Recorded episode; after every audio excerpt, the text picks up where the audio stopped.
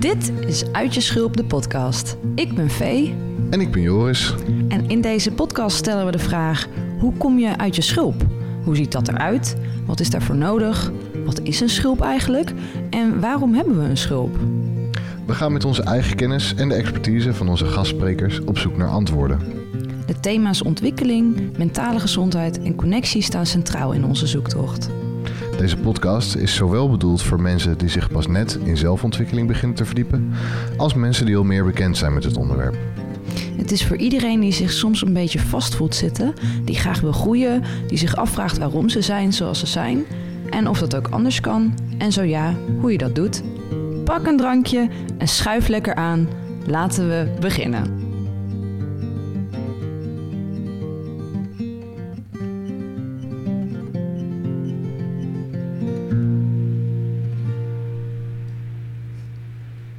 Dit is aflevering 8 in gesprek met Joris Tiedeman. In deze aflevering interview ik mijn co-host uh, Joris. Yes, en uh, uh, we gaan best wel wat uh, thema's uit mijn leven door. Ja. Maar het gaat vooral over verbinding, relaties. Ja. Ehm, zowel in de familie als in de liefde Ja. als vriendschappelijk. De balans tussen zelfstandig zijn en gemeenschap. Zeker. Daar hebben we het ook veel over. Ja, de paradox zou je wel kunnen zeggen daartussen. En eh, ja, ik vond het een heel fijn gesprek in elk geval. Ik ook. hoop jullie ook. Ja, en eh, we horen heel graag eh, weer wat jullie ervan vinden Ja. op onze Instagram of waar je ons dan ook te pakken kan krijgen. Yes, veel luisterplezier. Veel luisterplezier. Welkom, lieve luisteraars, bij een nieuwe aflevering van Uit je Schulp, de podcast. Deze aflevering hebben we te gast onze eigen co-host, Joris Tiedeman. Hallo. Hi, welkom. Ehm, Joris, laten we gewoon maar meteen aftrappen. Kan je ons een beetje vertellen over wat jij zoal doet? En dan gaan we het daarna hebben over wie jij bent. Oké. Ehm, ik, eh, het allerleukste wat ik doe is een podcast maken. Oh ja, maak je een podcast? ja. Ehm, wat ik doe is ehm, meestal eh, als ik wakker word, dan ga ik eh, sinds een kleine twee jaar geleden eerst eh, naar buiten met eh, Merle, mijn vrouw. Dan gaan we een uurtje, drie kwartier even een wandelingetje maken in eh, een natuurgebiedje hier vlakbij ons huis. En ehm, afhankelijk van eh, wat voor soort dag het is, eh, of we druk zijn of eh, happy zijn of minder happy, hebben we een heel druk babbelende wandeling of een stille wandeling. Of staan we heel lang stil om ergens naar te kijken of lopen we heel hard door omdat we eigenlijk ook best wel snel een afspraak hebben. Maar dat is een van de dingen waar we, waar we mee zijn begonnen in de eerste lockdown. Toen we elkaar een beetje begonnen te irriteren. Eh, we dachten, we moeten even een interventie doen om de dag te starten. Niet vanuit dat hopeloze gevoel van waar gaan we naartoe, maar eh, vanuit eh, even contact maken met elkaar en gewoon in de natuur zijn.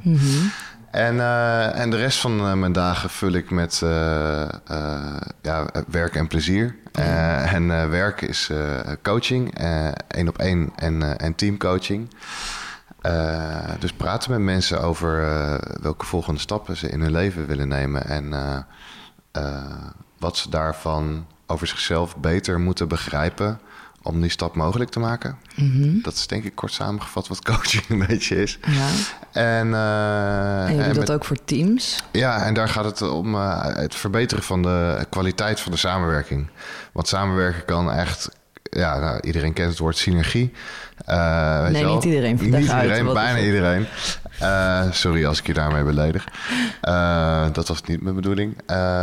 Dus de, de, de bundeling van eh 1 en 1 is meer dan 2, zeg maar. Mhm. Dus de bundeling van 1 en 1 en 1 en 1 en 1 is meer dan 4, maar kan wel 8 zijn. Als je een team hebt dat goed samenwerkt. En samenwerken is heel erg complex. want je komt elkaar op zoveel manieren tegen. In, eh, eh, in de inhoud en in het proces, maar ook als mens. Eh, en vooral op dat laatste stuk is het vaak, merk ik, lastiger voor mensen in bedrijven om dat er ook op een goede manier bij te betrekken. Dus wie ben ik? Wat zijn mijn drijfveren? Wat voel ik hier in het team? Welke thema's spelen er tussen ons? Welke bewuste en onbewuste interactiepatronen duik ik in met specifieke collega's? Of welke rollen hebben wij dan hier? dus dat is heel, heel ja, soort van puzzelachtig werk vergt veel geduld. En soms is het uiteraard ook heel emotioneel. Omdat er vaak in teams ook conflicten spelen. En daar moet je dan nou, ja, bij zijn. Ja. Um, zonder partij te kiezen, uiteraard. Dus, mm -hmm. meervoudig onpartijdig noemen we dat in het vak. dat doe ik. En ik maak dus een podcast. Ja. en... Um, ik, het, ja, een van de, mijn lievelingsdingen is squash. Ja. Dat doe ik een paar keer per week. Wedstrijden en gewoon met, met vrienden. Mm -hmm. En ja, daar, daar wordt ik kind, echt, op de squashbaan. Ja. maar wel een heel gedreven kind. ja, wel, maar wel echt super blij en, en speels, maar ook heel erg, heel erg gefocust. En een beetje competitief ook? Ja, wel. Heel, ja, ik, wil wel e-, ik wil echt winnen, maar het is... Mm, maar je kan tegen je verlies? Ja, Wel, wel steeds beter ben ik daar geworden. Ja, ja. dat is, ik denk in squash heb ik ook wel echt heel erg veel geleerd. Mhm. Ik denk de belangrijkste les is uh, rustig blijven en jezelf niet laten overmannen door teleurstelling of woede. Ja. Um, maakt dat je veel beter blijft in wat je aan het doen bent. Uh, dat heb ik geleerd van mijn eerste squashpartner David Gal. Of een van mijn eerste squashpartners. Dankjewel David. Uh, die gewoon eigenlijk veel beter was dan ik. Dus het duurde anderhalf jaar voordat ik voor het eerst van hem won. Terwijl we echt twee keer per week speelden. Mm -hmm. Uh, dat doe ik. nou, sinds kort mag ik weer naar buiten, net zoals iedereen. Dus ga ik ook graag weer naar feestjes om te dansen. Daar hebben we het ook in de vorige aflevering over gehad. Ja. Ehm, doe ik veel met Merle, mijn vrouw. Mm -hmm. op, op allerlei niveaus, zeg maar. Van heel Piet Luttig, uh, klein, even een koffietje drinken samen, tot groot, diep, op diep niveau meedenken over elkaars werk en bedrijf. Zijn allebei mhm. zelfstandig ondernemer. of ik ben laatst dan weer mee geweest naar Objecten Designbeurs in Rotterdam, waar zij haar parfums verkocht. Mhm. dus we zijn best wel nauw verbonden. Nou, als een aflevering met Stephanie Rondags... Of nee, met Sarah Warner was het trouwens. Ben ik me afgevraagd, oh, ben ik misschien een beetje codependent in mijn relatie? er zit wel een bepaalde mate van codependency in, denk ik. Ja. Uh, dus dat is wat ik doe. Wat doe ik nog meer? Ik, ik, kook graag, ik lees graag. Ik lees de laatste jaren veel sci-fi. Mm -hmm. ik, van de ja, dingen die ik voor mijn werk doe, is ook intervisie. Dus samenkomen met collega's om eh, casuïstiek te bespreken, om zelf van te leren. Ja. Uh, en uh, ik heb een boekenclub voor, uh, met andere coaches ook, mm om vakliteratuur te lezen. Want dat zijn de boeken die bij mij altijd na 10 tot 300 pagina's ergens blijven liggen. Dus op een, op een tiende of op een derde of op twee derde. Ja. Ehm, en ik merk ook door, door zo'n boek te lezen en het dan te bespreken met elkaar, dat het, ja, het leren in de mensen is gewoon zoveel hoger. Uh, dus dat, uh, ja, dat is wat ik doe, denk ik. Oké. Weet je? Ah, ja, vrienden heb ik ook nog. Ja. Oké, ja, nou, ik denk dat dat wel redelijk een, uh, een, een beeld geeft, denk ik, voor onze lieve luisteraars. Mm -hmm. Ja, en laten we het dan nu eens even gaan hebben over wie jij bent. Want ja, iets doen en iets zijn, dat zijn natuurlijk twee verschillende dingen. Mm -hmm. Ik denk dat ik misschien wel wil beginnen met even vragen, aangezien we het over schulpen gaan hebben. Mm Hoe ziet jouw schulp eruit? Um, nou, of waar is hij van gemaakt? Je mag. Oeh. Ja, je mag, uh, je mag het eerste woord dat in me opkwam was weer barstig. Ja. En ehm, ik zag ook wel voor me gewoon het schulpje uit, uit onze eigen huisstijl, zeg maar. Ehm, dus dat is niet helemaal eerlijk. Ja, maar mijn schulp, mijn schulp voelt wel heel stevig.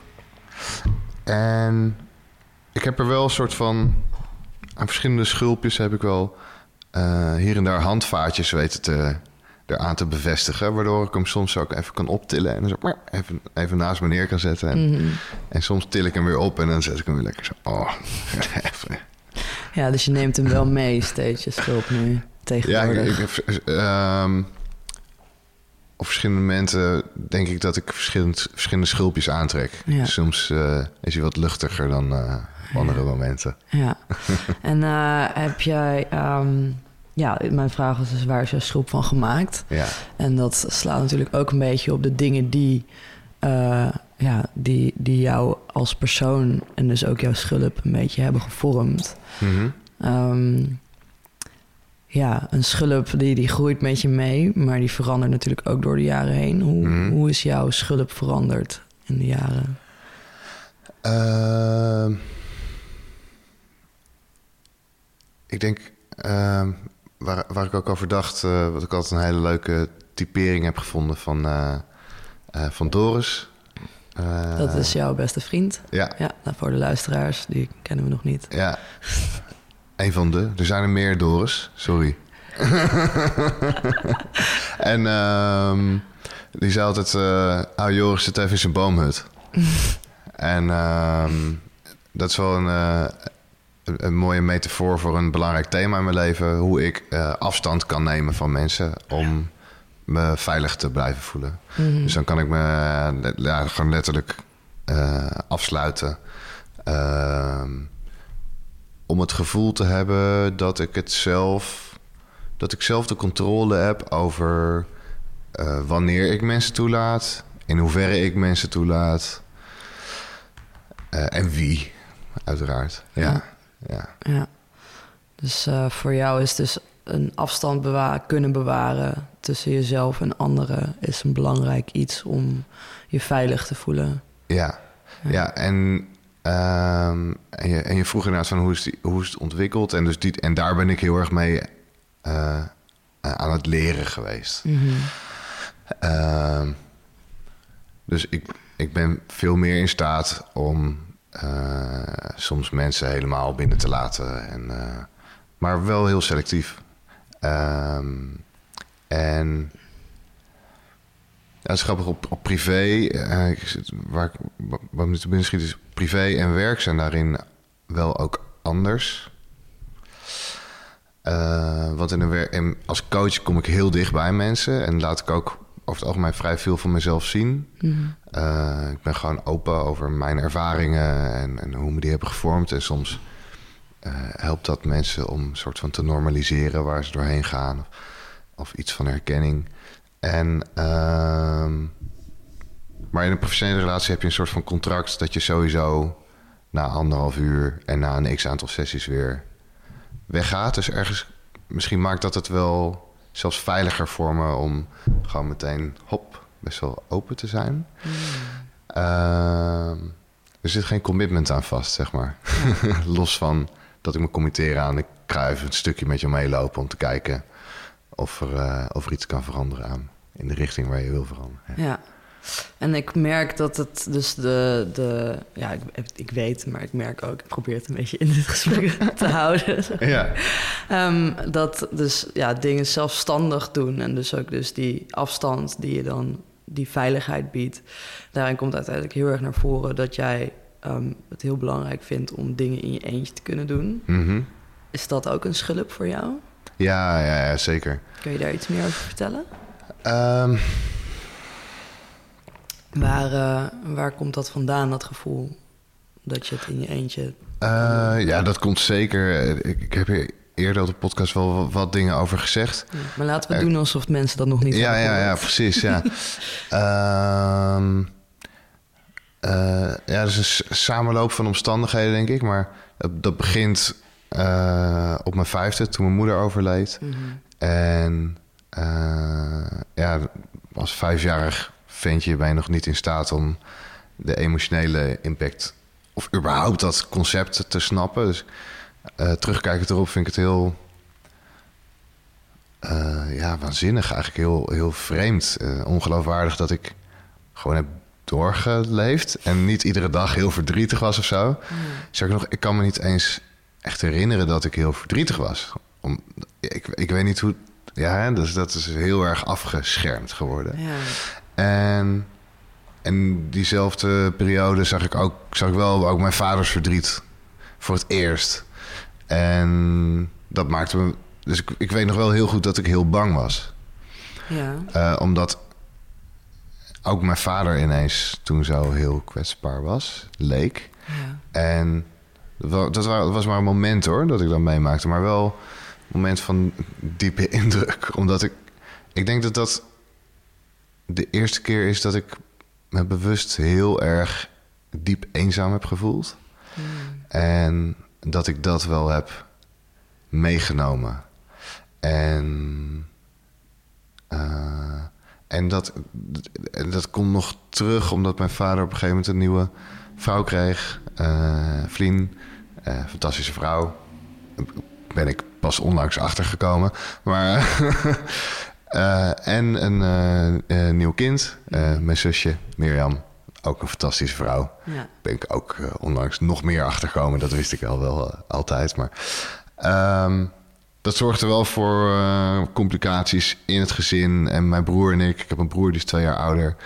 Uh, die voelde een beetje aan de ene kant van de lijn en, en zij aan de andere kant.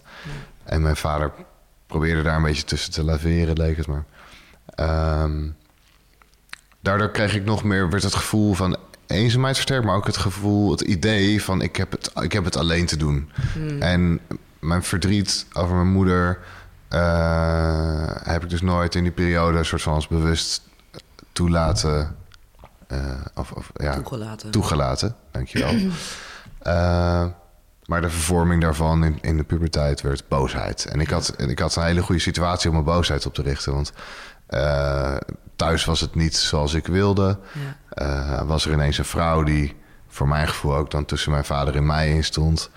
Mm en uh, nou, school vond ik natuurlijk allemaal helemaal uh, kut. Dus uh, er waren genoeg redenen weet je, om, om tussen aanhalingstekens redenen om, om boos te zijn. Ja. En ja, bij nader inzien denk ik, ja, dat was eigenlijk...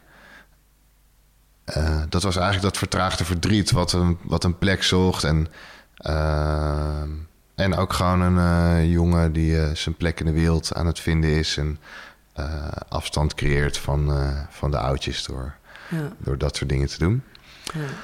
Ja. Um, um, wat was je? Ik zit me nu te proberen te herinneren wat je oorspronkelijke vraag was, maar.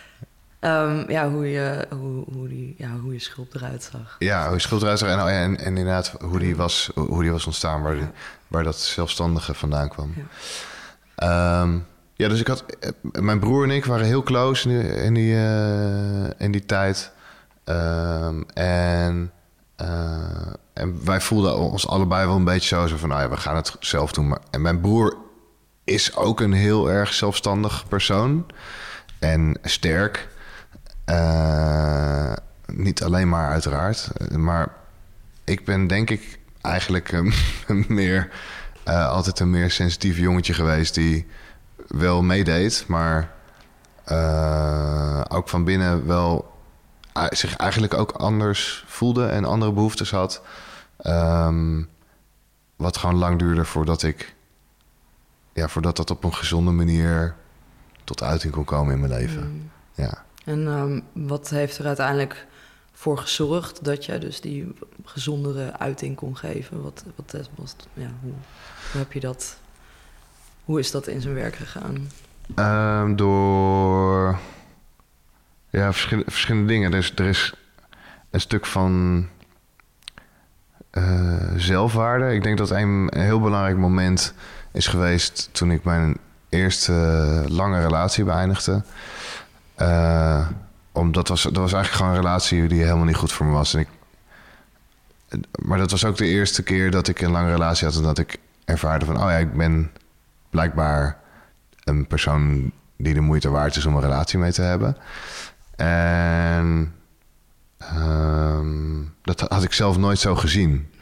Ehm, maar zij, eh, ik, ik, ik wil er niet het kort doen of zo, want ik was ook een, klein idiootje. Maar eh, het was niet een fijne relatie, laat ik zo zeggen. Ik was, eh, ik was niet.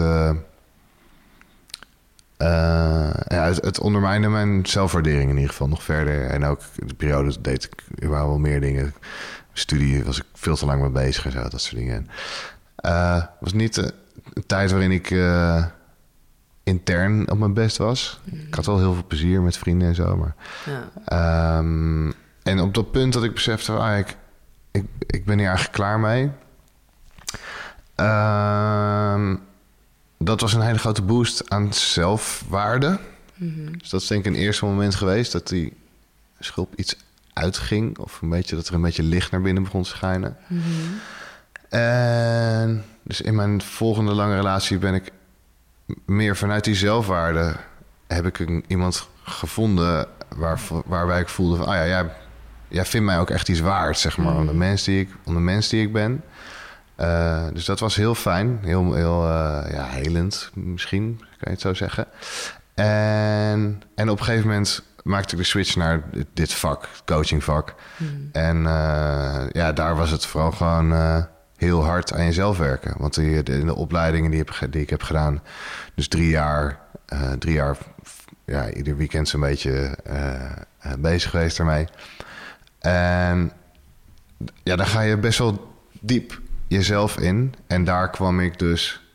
Uiteraard wist ik, oh ja, mijn moeder is overleden. En ehm, ja, ik heb nooit echt begrepen intern hoe dat nou emotioneel zit. en alles wat er daarna is gebeurd in ons gezin. Nou, daar ga je dat dan eh, eh, helemaal ontrafelen. En, eh, en kijken van welke bewuste en onbewuste beslissingen heb jij genomen daardoor in je leven. Welke verdedigingsmechanismes heb je opgebouwd? Eh, en eh, gaat het je lukken om er weer doorheen te komen? en eigenlijk pas in dat derde jaar eh, maakte ik echt een grote sprong daarin. Eh, in mijn teamcoaching specialisatie was dat. Onder leiding van Jan Remmerswaal en met in een supervisiegroep die gewoon ja, waar de veiligheid zo groot was, dat we daar allemaal, denk ik, alle zes hebben we daar echt heel veel voor elkaar betekend. Ja. En eh, dat was een heel bijzonder jaar daardoor. En daar vooral heb ik ook echt geleerd wat echt mens, wat echt diep persoonlijk leren is. Want eh, dan is er altijd eerst een periode van echt diepe onzekerheid en twijfel. En dat heb ik ook echt gehad in, in dat jaar. Dat ik echt.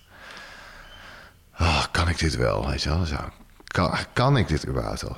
Eerst, ik begon het jaar dat ik dacht, oh, ik ben al wel echt best wel heel ergens, weet je wel. Twee jaar coachingopleiding achter de rug. Nou ja, en ehm, nee.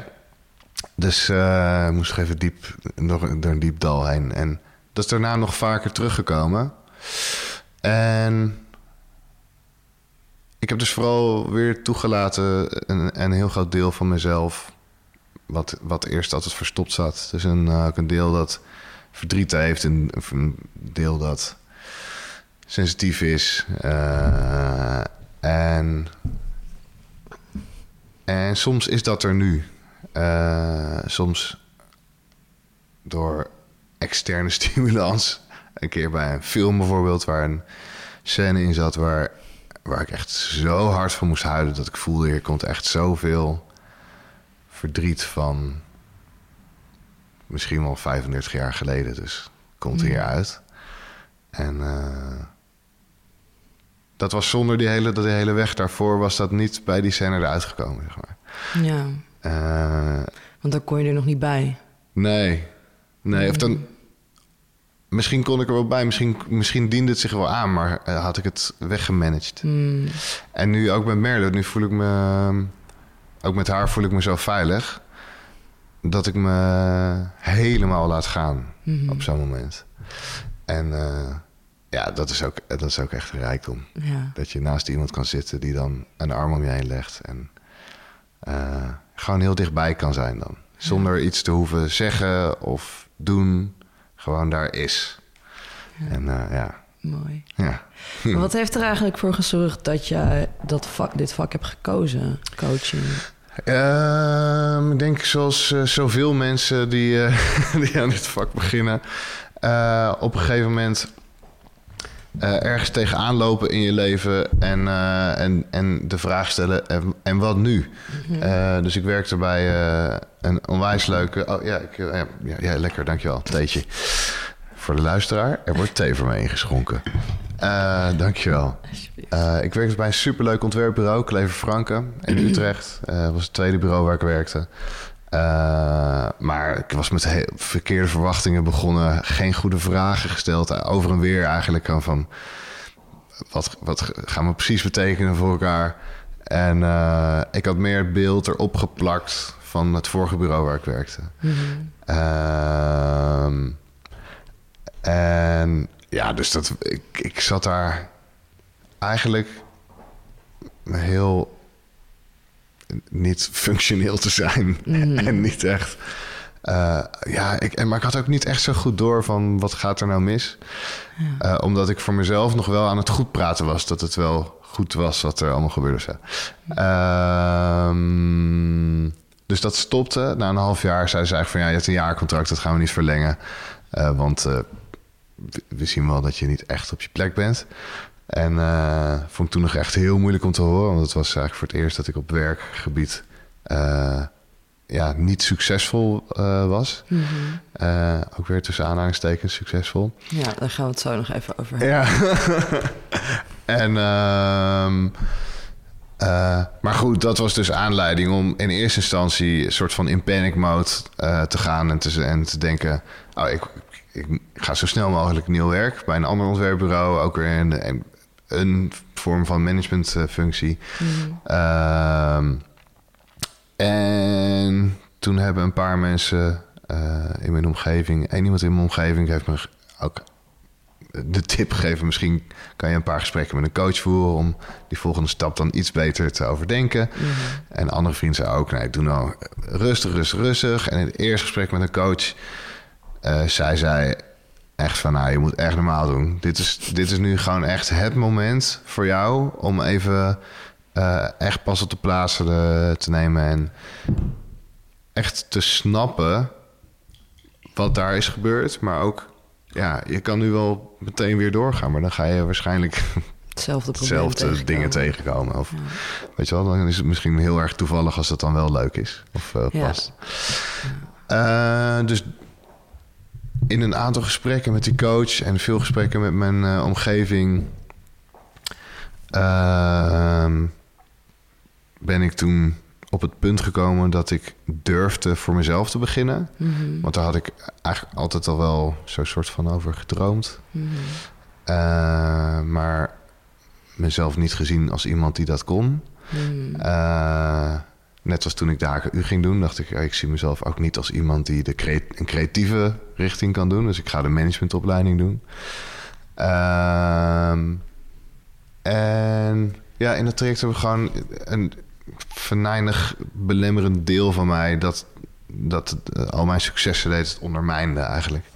Zodat ik niet een groter sprongetje durfde te maken. Ja, Die hebben we echt even goed in kaart gebracht. ja. Eh, en dat is er nog steeds wel, maar ik ken het nu, weet je wel. Dus ik, ik durfde op dat moment die, die stap te maken. En eigenlijk dacht ik, ga organisatieadvies doen. Dat leek me leuk. Dus minder, minder in de projecten, eh, maar wel echt met die bedrijven bezig zijn. En, en met de mensen in bedrijven. Eh, maar ik was ge- geïnspireerd door eh, Ernst en Tibert van Gift, een bedrijf in Amsterdam. Die deden coaching, training en advies.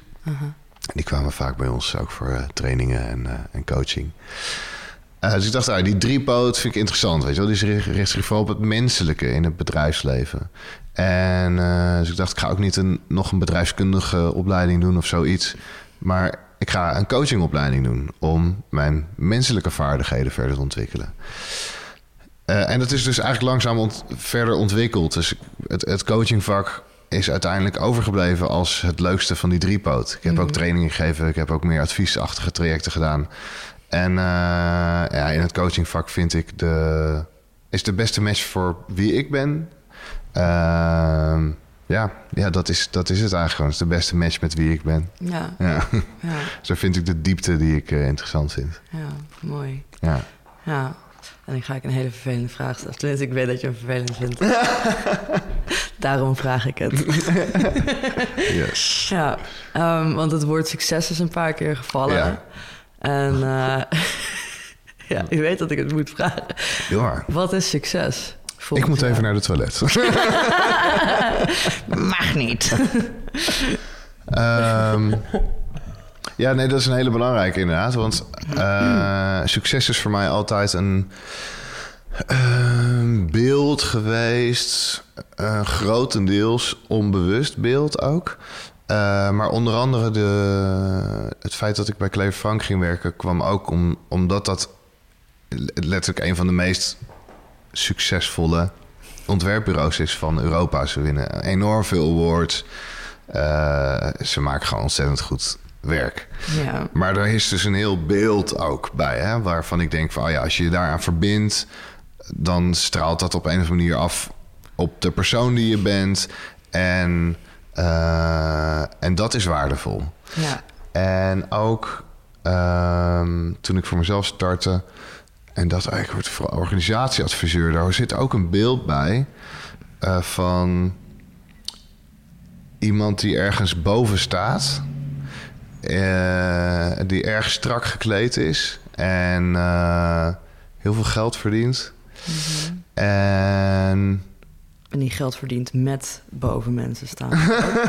Ja, nou, ik denk dat als je een goede, echt een goede adviseur bent, is het helemaal niet zo. Maar in, Ja. in mijn beeld is dat, is dat misschien wel een beetje zo geweest. Ja, En, dat vul ik ehm, inderdaad nu in. Ja, ja, ja. En, eh, nee, maakt niet uit. Ehm, ja, ik ben dat eigenlijk gewoon niet. Ja. Dus het is... ehm, het, en dat is nog steeds wel eh, af en toe een uitdaging in mijn leven... om heel goed te voelen... eh, is het integer voor mezelf, zeg maar, Mhm. wat, ik, wat ik doe of wat ik nastreef. ja. Eh, ja, Ja, ja, dus v- voor mijn gevoel in dat beeld, dat soort van ideaalbeeld van de succesvolle, of het, het succes of succesvolle Joris, de potentiële succesvolle Joris. ja, Er zit daar dus dan inderdaad toch die afstand een beetje in tussen jou en anderen, eigenlijk dus de Joris in de boomhut. Ja. ja er, zit een, eh, er zit zeker een afstand in. Ja. En, En er zit dus een veiligheid ingebakken. Ja. En, en dus ook weer eigenlijk dat soort van in je eentje, eh, ja, afstand. eh, Ja. en, maar eh, ik denk misschien, wat ik ook interessant vind, is dus dat er ook een, een laag van erkenning zit. Dus de reden dat jij dan het- het bedrijf waar je eerst zat zo interessant vond, was omdat zij veel erkenning kregen voor wat ze deden. En dat is, ja, ik heb dus het idee dat bij jou, bij jouw zelfbeeld, dat dat ook veel erkenning nodig heeft voor, van jezelf. En dat dat dus iets is wat dan van buitenaf misschien, weet je, wat je zegt, het straalt op je af als je daarbij zit. Ja, ja, En dus dat dat misschien iets is wat je dan s- eigenlijk van jezelf heel hard nodig had. En dus eerst niet kon geven. En dus dan bij, ja, bij een succesvol bedrijf ging zoeken. ja, ja, klopt. Ja, en dus ehm, erkenning op basis van positie Mhm. en erkenning op basis zelfs van superioriteit of zo, Mhm. weet je wel. Ehm, ja, terwijl daar natuurlijk eigenlijk niet echt. Of, ja, dus, dus niet inherent eh, erkenning aan verbonden voor je persoon. Mhm. Maar ehm, dat was misschien in mijn fantasie inderdaad meer zo. Ja. Ja, en eh, ja, wat ik vooral. ehm, ik ga even een kleine mini-switch maken. Mhm. Maar ehm, wat ik vooral ook interessant vind, is dus dat het onderwerp van die afstand en, eh, en dat dat hele ontzettende zelfstandige, dat dat steeds terugkomt. Ehm, terwijl hoe ik jou nu ken en zie, ehm, ik weet dat jij bijvoorbeeld gemeenschap juist heel erg belangrijk vindt. Ja, En dus ik vind het heel interessant dat daar zo'n eh, zo'n speling zit. Met aan de ene kant dus dat, dat die veiligheid zoeken in je zelfstandigheid Mhm. en in de boomhut. Mhm. En aan de andere kant dus juist die eh, behoefte en uh, dat voedende wat jij haalt uit een gemeenschap. En uh, voor de mensen die dit nog niet weten, Joris die woont bijvoorbeeld ook met, uh, ja, met meerdere mensen in hetzelfde gebouw. Kan je misschien daar iets ja. over vertellen? Ook wat, ja, hoe dat bij jou voelt? Ja, uh, ik ben dus inderdaad drie jaar geleden heb ik met vrienden een, een huis gekocht. En daar zijn we toen met, dus met drie stellen in totaal ingetrokken. En ik wist vooraf dat dat is een uitdaging voor me. Daar ga ik echt flink mijn schulp uit. Mm-hmm. Omdat ik dan dus niet de volledige controle heb op mijn eigen privé. We hebben wel allemaal onze eigen privéruimtes ook, maar het voelt toch anders. Want we gingen bijvoorbeeld één keuken delen ook met uh, één stel huisgenoten. Mm-hmm. En en ik wist ook, dit is goed voor mij om te doen. Ja. En wat er ook gebeurt, weet je wel, ook als ik na een paar jaar besluit van, ah, dit is toch niet voor mij, dan nog steeds is het, is het sowieso een goed experiment om te doen. En goed om mezelf een beetje te stretchen, om te onderzoeken wat ik daar dan uh, ja, tegenkom in mezelf. En het is al heel erg leerzaam geweest. Maar daar zit inderdaad een enorme paradox. Maar ja, die paradox is de, de stretch die ik eigenlijk met mezelf aanga. Dus eigenlijk heb ik uh, maar en het grappige is dat ik nu, nu ik hier een aantal jaar woon, merk ik ook wel dat ik ze allebei kan vinden, dus dat ze verenigbaar zijn. Mm. Dus ik kan in gemeenschap zijn en uh, nog steeds mijn privé bewaren en bewaken en nemen waar ik dat wil. Ehm, en ik kan we kunnen het niet eens zijn met elkaar of een clash hebben met elkaar en toch nog verbonden blijven. En ja, dat is natuurlijk wel fijn aan het samenwonen. Dus dat je, uh, ja, als je, als je iets hebt met elkaar, als je frustraties hebt of, of ja, gewoon je wil iets anders van, van elkaar, dan uh, je kan elkaar niet echt ontlopen. Dus je gaat gewoon zitten om dat te bespreken. Uh, en ja, dat is, dat is heel leerzaam. En ik denk dat dat, dat, dat, dat heel veel mensen, en ik ook met vriendschappen die dan verder weg staan, zeg maar, dan in je eigen huis, uh, dat dat gemist wordt. Die, Ja. die, die kans in, ja, in ons individuele levensstijl die we veel hebben. Ja. Veelal, ja. Overal een schuttingje tussen. Ook mentaal. ja, precies. Alles moet mooi apart van elkaar. Ja, Ja, ja, ja. Ja. Ja. ja. Nee, ja, en je, je zei nog van ja, waarom ik.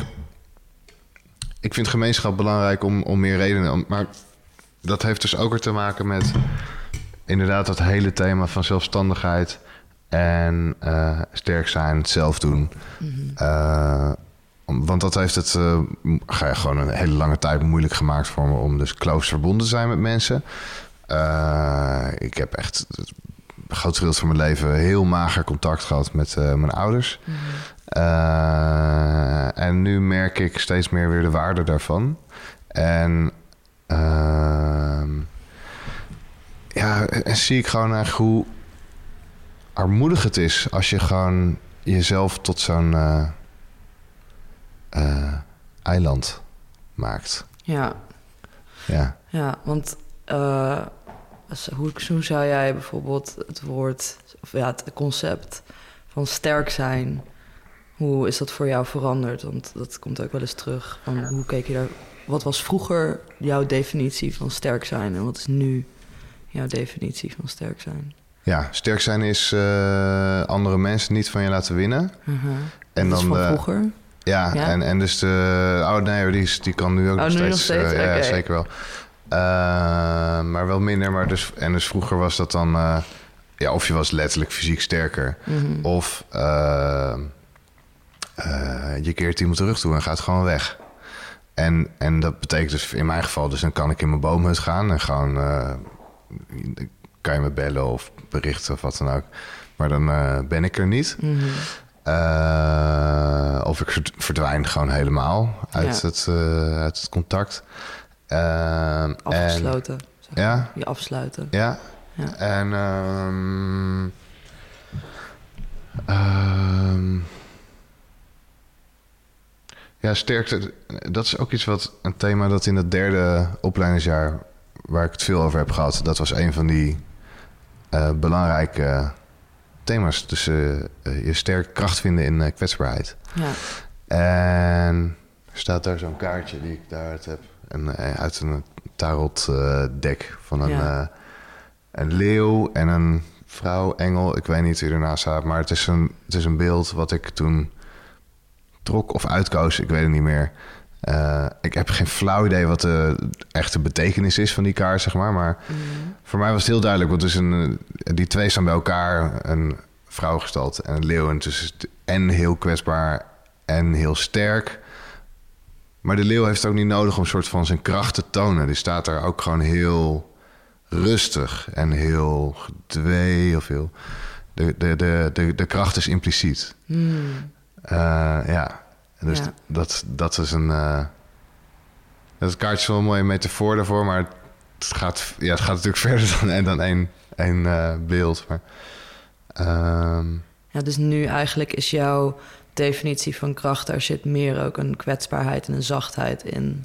ja, en ik, wat ik een, een, eh, waar ik aan moet denken is dat een van de stellen uit ons huis... die eh, is na twee jaar, eh, hebben ze besloten toch ergens anders te gaan wonen. En eh, eh, dat vond ik echt heel moeilijk en echt heel jammer. Ik hou wel onwijs veel van die mensen. En gelukkig zijn ze nog steeds super dierbare vrienden. Ehm, maar ik zat er wel een paar dagen echt mee te worstelen met hoe ga ik dit accepteren? Hoe kan ik hun, hun keuze eigenlijk hierin eh, respecteren en waarderen? En dat, het is niet, sowieso niet wat ik wil. En ik, ik, en ik was er ten eerste instantie ook echt niet mee eens. Maar dat was, dat was mijn oude sterk zijn. Een soort van, van niet laten winnen bijna. Dus mijn argument om hier te blijven zijn beter dan jullie argumenten. Weet je wel, zoiets. Heel, heel vreemd. Maar eigenlijk een bescherming om mezelf niet te laten kwetsen door dat besluit. Eh, en ehm, uiteindelijk heb ik na een paar dagen gewoon heel veel praten met Merle erover en, en een paar andere mensen. En eh, veel lange wandelingen maken. En daar echt gewoon mijn oh, onbegrip, maar ook verdriet en alles gewoon te laten lopen en gaan en kijken wat voor woorden dan komen, wat voor gedachten komen, hoe we dan gaan voelen. Ehm, daardoor kon ik na een dag of drie of zo zouden we elkaar weer spreken en zaten we met het huis bij elkaar en heb ik gewoon gezegd van dat ik, dat ik, het, dat ik er echt begrip voor heb, oprecht. En dat ik het fijn vind dat ze die beslissing namen voor zichzelf. En later. Sorry, ik moet een beetje huilen. Mag. Nou, Ehm, nou, later kwam Helene daarop terug. eh, en die zei dat ze zo trots was op wat toen. En dat vond ik echt zo'n mooi compliment. Omdat het... Omdat ik er dus inderdaad ook zo mee bezig was geweest. En ik liet dus iets anders zien dan mensen van me gewend zijn. En, eh, en ik kreeg dat ook dan nog terug op zo'n mooie manier... dat ik dacht, oh, dat is zo... Zij, zij, ziet, zij ziet dat en ze ziet mij en eh, ja, wat mooi, ja. ja. Dus dat, eh, ja, dat en, en dus die kracht en kwetsbaarheid is letterlijk onderkennen waar ik geraakt word, waar ik verdrietig van word. Ah, daar gewoon induiken, woorden aan geven. En dan alles doen om te proberen vanuit liefde naar buiten te treden weer. Ja. Dus er zit... Ja, en ik, we hebben het toevallig gisteren met Suzanne over de dood gehad veel en rouw. En in rouw, het is bijna altijd...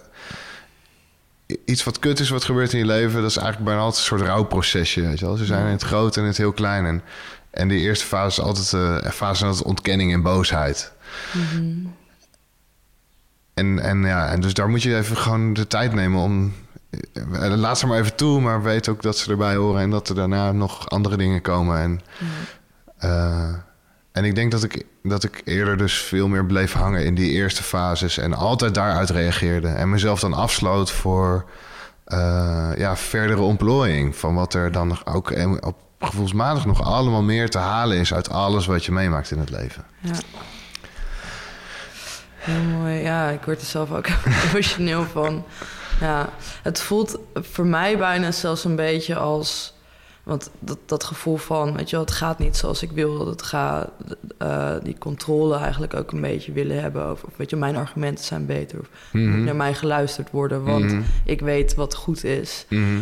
het- ja, het, het komt bijna een beetje over alsof dat ook een soort reactie is natuurlijk op de dood van je moeder. Want dat was ook iets waar jij geen controle over had en iets waar jij geen Mhm. inspraak op had. En ook, eh, ja, ik kan me voorstellen dat dus zo'n zo'n zo'n overwinning eigenlijk van hoe jij normaal gesproken met zo'n soort situatie om zou gaan, dat dat echt een ontzettend bevrijdend iets kan zijn en echt een heel eh, ja, diepgaand iets ook.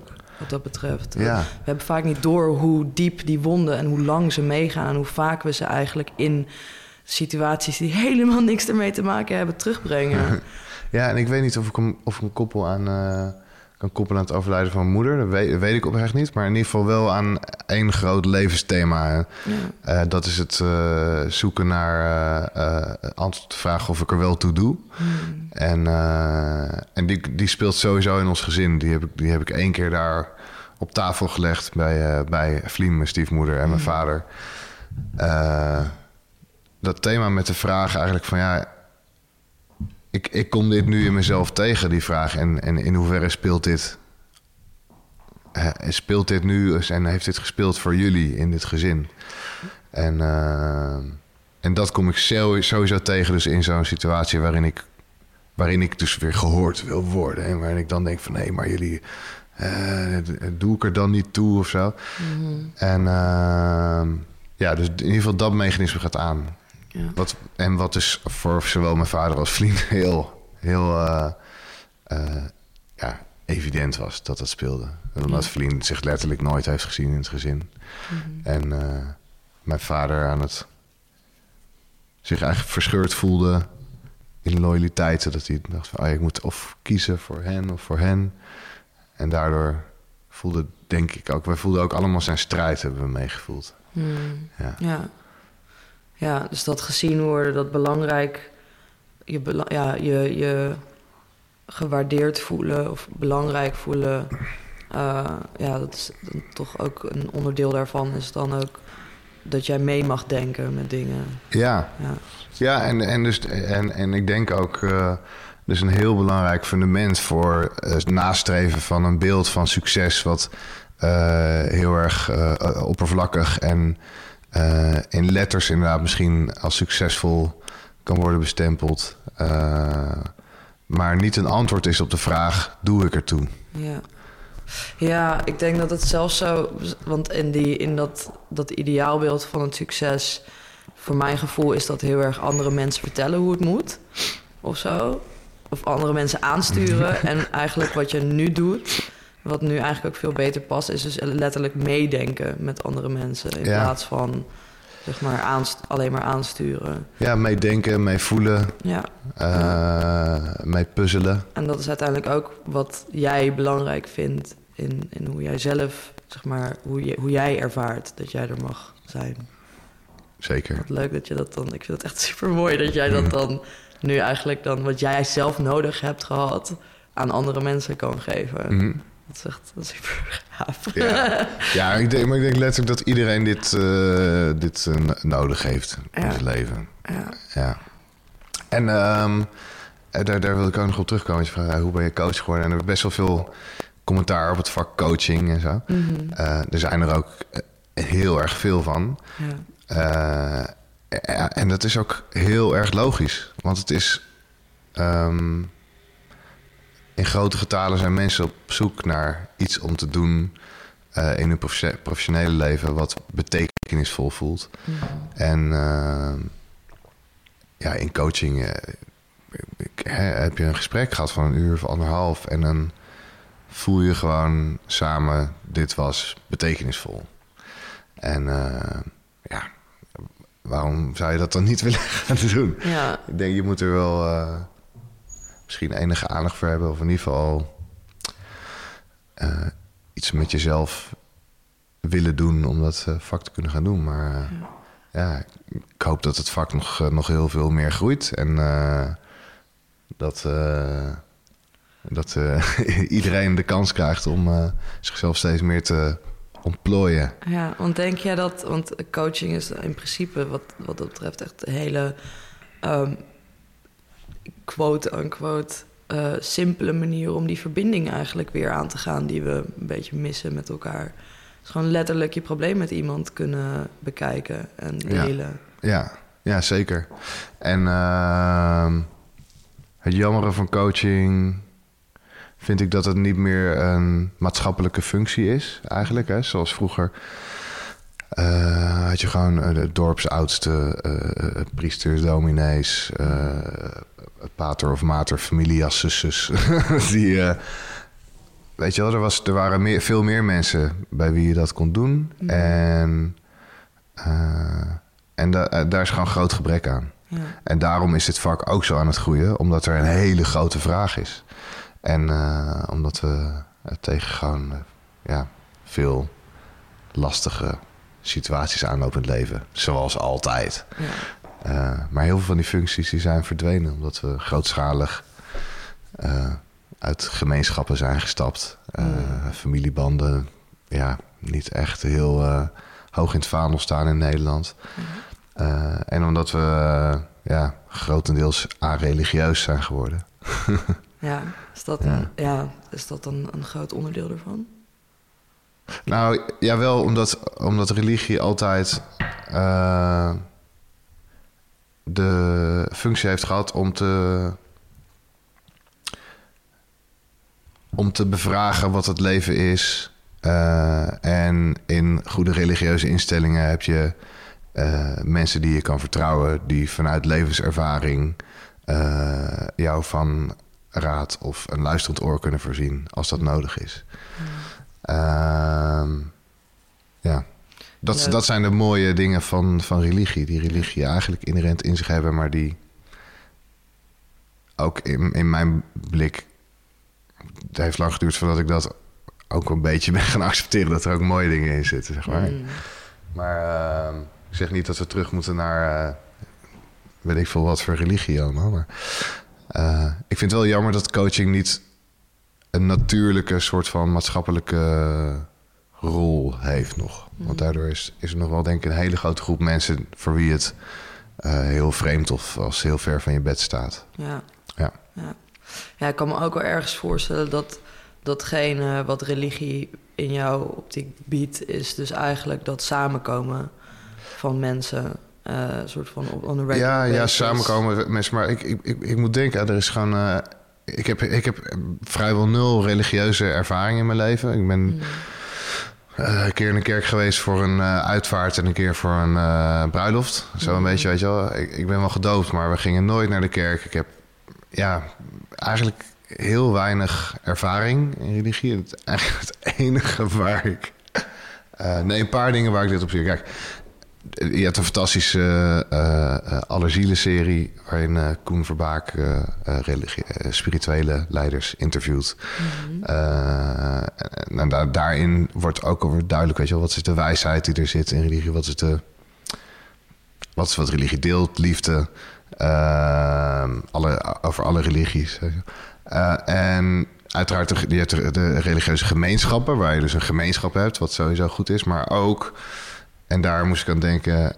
of- Daar heb ik dit idee wat meer op gedaan in de film. Volgens mij heet die Of Gods and Men. Maar ik weet het niet helemaal zeker. Over een groep eh, eh, monniken in een klooster in een ander land. eh, waar een burgeroorlog woedt, volgens mij. Het is een spannende situatie, maar er is een scène dat een van die oude mannen buiten de kloostermuur op het bankje zit. En er komt een jong meisje uit het dorp naast hem zitten. Of jongetje, weet ik niet meer helemaal zeker. En die heeft een probleem. Want er is een eerste verliefdheid of zoiets. En die man die zit daar gewoon heel rustig en stelt haar wat vragen en vertelt iets over wat de liefde is.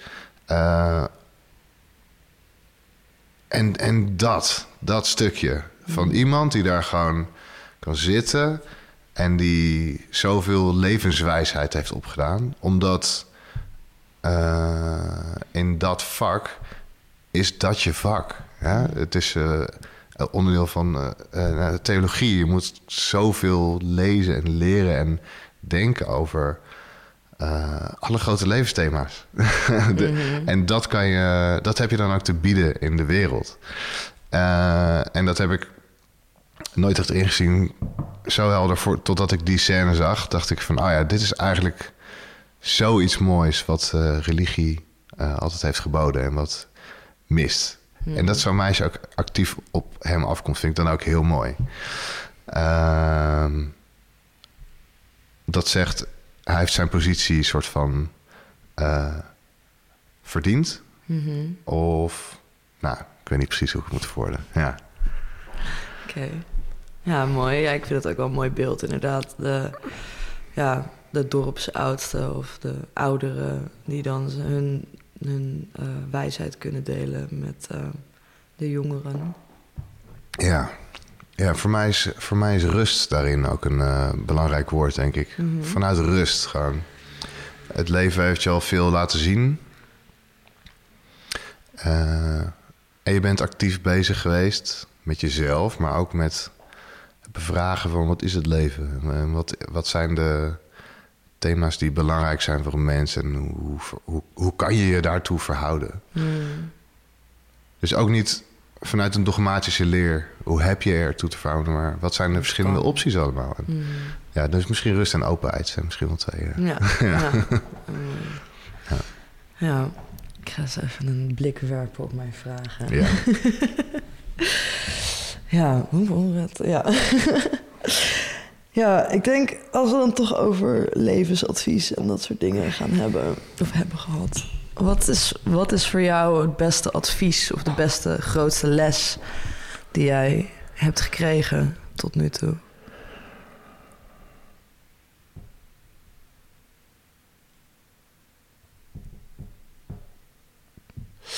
Um, ik denk dat dat de feedback was die mij in het diepe dal van onzekerheid stortte.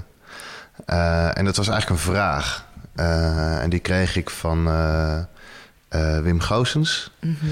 Dat was de opleider bij mijn teamcoachingopleiding. En die stelde mij de vraag: in hoeverre zet jij compassie met de ander in je werk in om de kwetsbaarheid in jezelf niet te hoeven voelen? wow. Ja, nou, daar was ik wel echt helemaal kapot van. Zeg het nog eens. Ja, ik weet, ik weet, ik weet niet of ik het helemaal klopt ja. zeg, hoor, maar in hoeverre zet jij compassie met de ander in je werk in om je eigen kwetsbaarheid niet te hoeven voelen of aan te gaan, zeg maar. Mm. Uh, nou ja, en, en, en, ja, dat opende dus echt een uh, diep onzeker, maar ook echt een, een oprechte reflectie, weet je, naar mezelf. Ja, oké. Eerste antwoord: ik weet het niet. Mm -hmm. En ik voel wel heel veel door deze vraag. Dus er zal. Ook omdat ik wel die man echt. Uh, ja, hoog gaat zitten, weet je wel. Gewoon echt iemand. Ik vind ja, die, die zegt niet zomaar zoiets. Ja. Um, en. Um, ja, dus ja, daar wordt zoeken. Ja. Ja. Jeetje. ja. ja. Ja, want is dat, is, ja, zat daar een waarheid in dat je mm. van je zeg maar op andere mensen focust, dus zodat je niet naar jezelf hoeft te kijken? Ja, zeker. Ja, ja zeker. Um, ja, en, dus, en ik merkte ook wel dat. Um, nou, nee, ik zeg wel zeker, maar dat, ik weet dat niet. Ik weet dat niet. Ik weet dat niet precies, maar het voelde wel prettig dat ik daarmee bezig kon zijn, zeg maar. Maar het voelde ook nog wel ergens veilig dat het dan ja, niet van mij was. Hmm. Maar er was wel ook een grens waar ik durfde te komen. Dus soms merkte ik dat als iets voor mij als te zwaar ging voelen of te wiebelig, Mhm. waar ik zelf veel van ging wiebelen in mijn stoel, dat ik er dan bewust of onbewust van weg ging manoeuvreren. Ja. Ja, Hmm. ja. En vooral, en vooral dat heb ik dus in mijn werk geleerd door mijn eigen kwetsbaarheid gewoon helemaal bloot te leggen en te leren kennen en de kracht daarvan in te zien. En de kracht is dus dat ik daar nu kan blijven zitten. Dat is echt de kracht. Dat ik Ja. gewoon niet meer wiebel dan. Ik kan heel erg geraakt zijn in een gesprek met iemand, maar ik ben er niet meer bang voor. En daar was ik altijd heel bang voor. Dat ik de controle ging verliezen. Ja. En het was ook omdat er gewoon zoveel zat. Ja. ja. Dus dat moest echt, ja, moest echt gecontroleerd worden. Ja, want hoe hou je dat dan, hoe, hoe zou je dat nu omschrijven? Dat je dat nu wel kan, eh, ja, dat je nu niet meer wiebelt. Zeg maar, hoe, hoe, komt hoe komt dat? Ehm, omdat ik, omdat ik een, een eh, omdat ik momenten heb gehad dat ik het helemaal ongecontroleerd heb laten lopen en gaan en zien en voelen.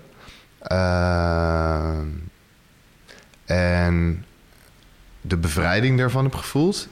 En de liefde heb gevoeld die erin zit. Eh, ja, dat ik daarin echt intense liefde voor mijn moeder voel. In dat verdriet.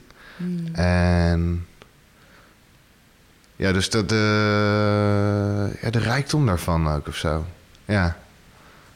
Ja. Ja. En, en ja. Ja.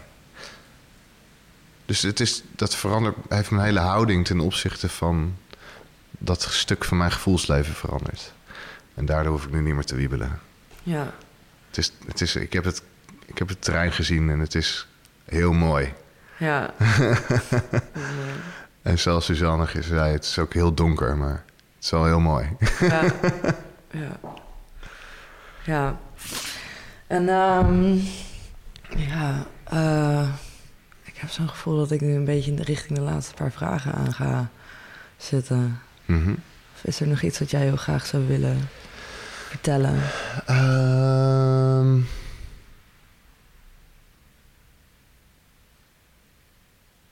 nou ja, ik, ik weet niet, als het gaat over schulpen, denk ik dat het hoofdthema wat er doorheen sijpelt, dat eh, zit er redelijk in. Over hoe ga je relaties aan, hoe dichtbij mogen mensen komen.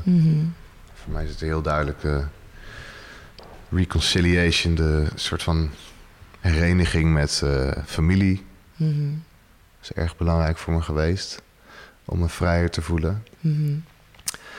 Ehm, Wil je daar misschien nog iets over vertellen? ja, nou, dat zit er gewoon in.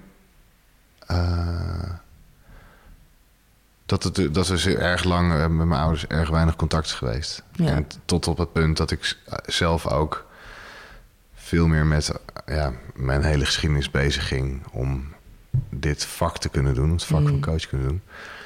En dus bijvoorbeeld met, bij hun thuis kwam eh, en de vraag stelde hoe, het, hoe speelt het thema? Of de vraag, ik, doe ik er wel toe eigenlijk voor jullie? Mhm. En dat, was gewoon, dat zijn hele verbindende momenten geweest. Ja. Ehm, waarin, wat ik eerder dan altijd wel heb gevoeld, is dat we een beetje poppenkast aan het spelen waren. Mhm. Dat we alle drie een beetje eh, rolletjes aan het spelen waren. Om elkaar maar een beetje te ontzien in, eh, in de pijn die we allemaal ook hebben gevoeld. Mhm. En ik, ik vond het eigenlijk ook altijd heel irritant. Ik had wel een leuk rolletje. Ik was wel een beetje haha, de lolbroek en zo. Maar eigenlijk vond ik het heel irritant. Want die lolbroek maakte ook dat ik heel snel... eh, dat was ook heel veilig, hè? Want als je ergens een lolletje van kan maken... kan je altijd afstand bewaren. Mhm. Eh, dus dat was, echt, dat was echt mijn schulpje ook eh, bij hun eh, heel vaak. Eh, dus dat, ja, met hun, met hun praten. En, en zodra die moeilijker thema's, zeg maar, een beetje zo van... dat we daarover konden hebben... eh, merkte ik ook van, oh, ik heb eigenlijk heel andere vragen aan ze. Dus eh, vorig jaar of zo, dan gingen we een keer bij hun lunchen, wat dan ook. En mijn zusje was er ook met haar vriend en Merle was ook mee. En eh, heb ik gevraagd, wat is eigenlijk de betekenis geweest van werken in jullie leven?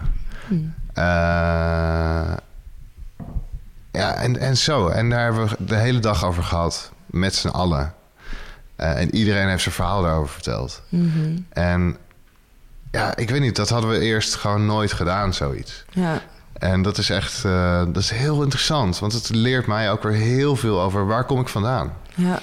Dus wat heeft mijn vader bijvoorbeeld altijd gevoeld in zijn werk... waar hij adequaat, inadequaat is? Eh, wat, wat waren zijn dromen die hij niet heeft nagejaagd? Mm. En eh, veel herkenning ook daardoor. Hè? En, eh, en dus ook weer de keuze... ja, en nou, hoe wil ik mij er dan weer toe verhouden? Want ik heb het dus grotendeels onbewust van alles van meegekregen. Ja. Maar ik heb nu wel een keuze. En, en door zijn verhalen te horen, word ik me scherper bewust van het feit dat veel van wat ik voel en denk en doe, ook nog steeds misschien wel een stuk, stuk daarvan van hem is. Mm. Eh, dus dat maakt ook weer de weg meer vrij. Weet je wel? Dus die hereniging, eh, die openheid is super belangrijk voor mij geweest om. eh, sowieso dat ik mezelf meer. Ja, rustig voel, meer weer als onderdeel van waar ik vandaan kom. Minder strijd in mezelf dus. Mhm. Eh, minder.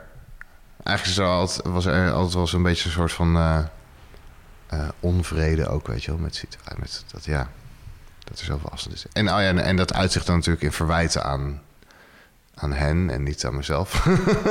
Ja. Ja, dus dat. Dat is wel.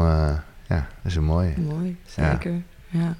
En wat, eh, als je iets, één ding kon meegeven aan onze luisteraars, wat zou je ze dan graag willen meegeven? Ehm, ik, ik, ik zou het iedereen toewensen dat je een paar mensen hebt in je leven waar je, eh, waarbij je voelt dat je helemaal jezelf mag zijn. En dat hoeft echt niet overal en met iedereen, maar al heb je er maar één, maar als je denkt dat je die, dat je die veiligheid voelt, ehm, maak er gebruik van. Hmm. En voor mensen die dat moeilijk vinden, wat zou je ze als tip geven om die veiligheid te creëren? Eh, het stapje voor stapje doen. Ja. En toestemming vragen Mhm. als, je dat, eh, als dat je helpt. Mhm. Mag ik je iets vertellen over mezelf wat niemand weet? Ehm, ja, er zijn weinig mensen die dan zullen zeggen: nee. ja, en je gevoel, eh, je gevoel zit er meestal niet naast. Als je bij iemand eh, veilig voelt, dan is er veiligheid tussen jullie. Mhm. Eh, ja. Dus of je, er is iets mis met je sensoren, maar vaak, vaak klopt het wel wat, wat we gewoon als diersoort mens eh, voelen in die zin. Want het, is- dat, dat is niet een rationeel proces. Mhm. Ja. Nou, mooi. Heel erg bedankt. Jij ook? Ja, Voor je mooie vraag. jij voor je mooie antwoorden. Ja. Ehm, ja, als je eh, meer over Joris wil weten, eh, als je misschien met Joris wil werken ook, dan zullen wij zijn contactgegevens in de show notes eh, doen. Link naar je Instagram pagina en naar je website. Ehm, ja, dankjewel Joris. Ik ben ook. heel erg blij dat ik dit gesprek met jou in dezelfde kamer kon ja, doen. zeker. Ja, ik ook. Ja. Ja, en eh, heel erg bedankt voor het luisteren. Ja, dank jullie wel. Praat vooral met ons mee op onze Instagram-pagina... Uit je schulp de podcast. Tot de volgende keer. Tot de volgende keer.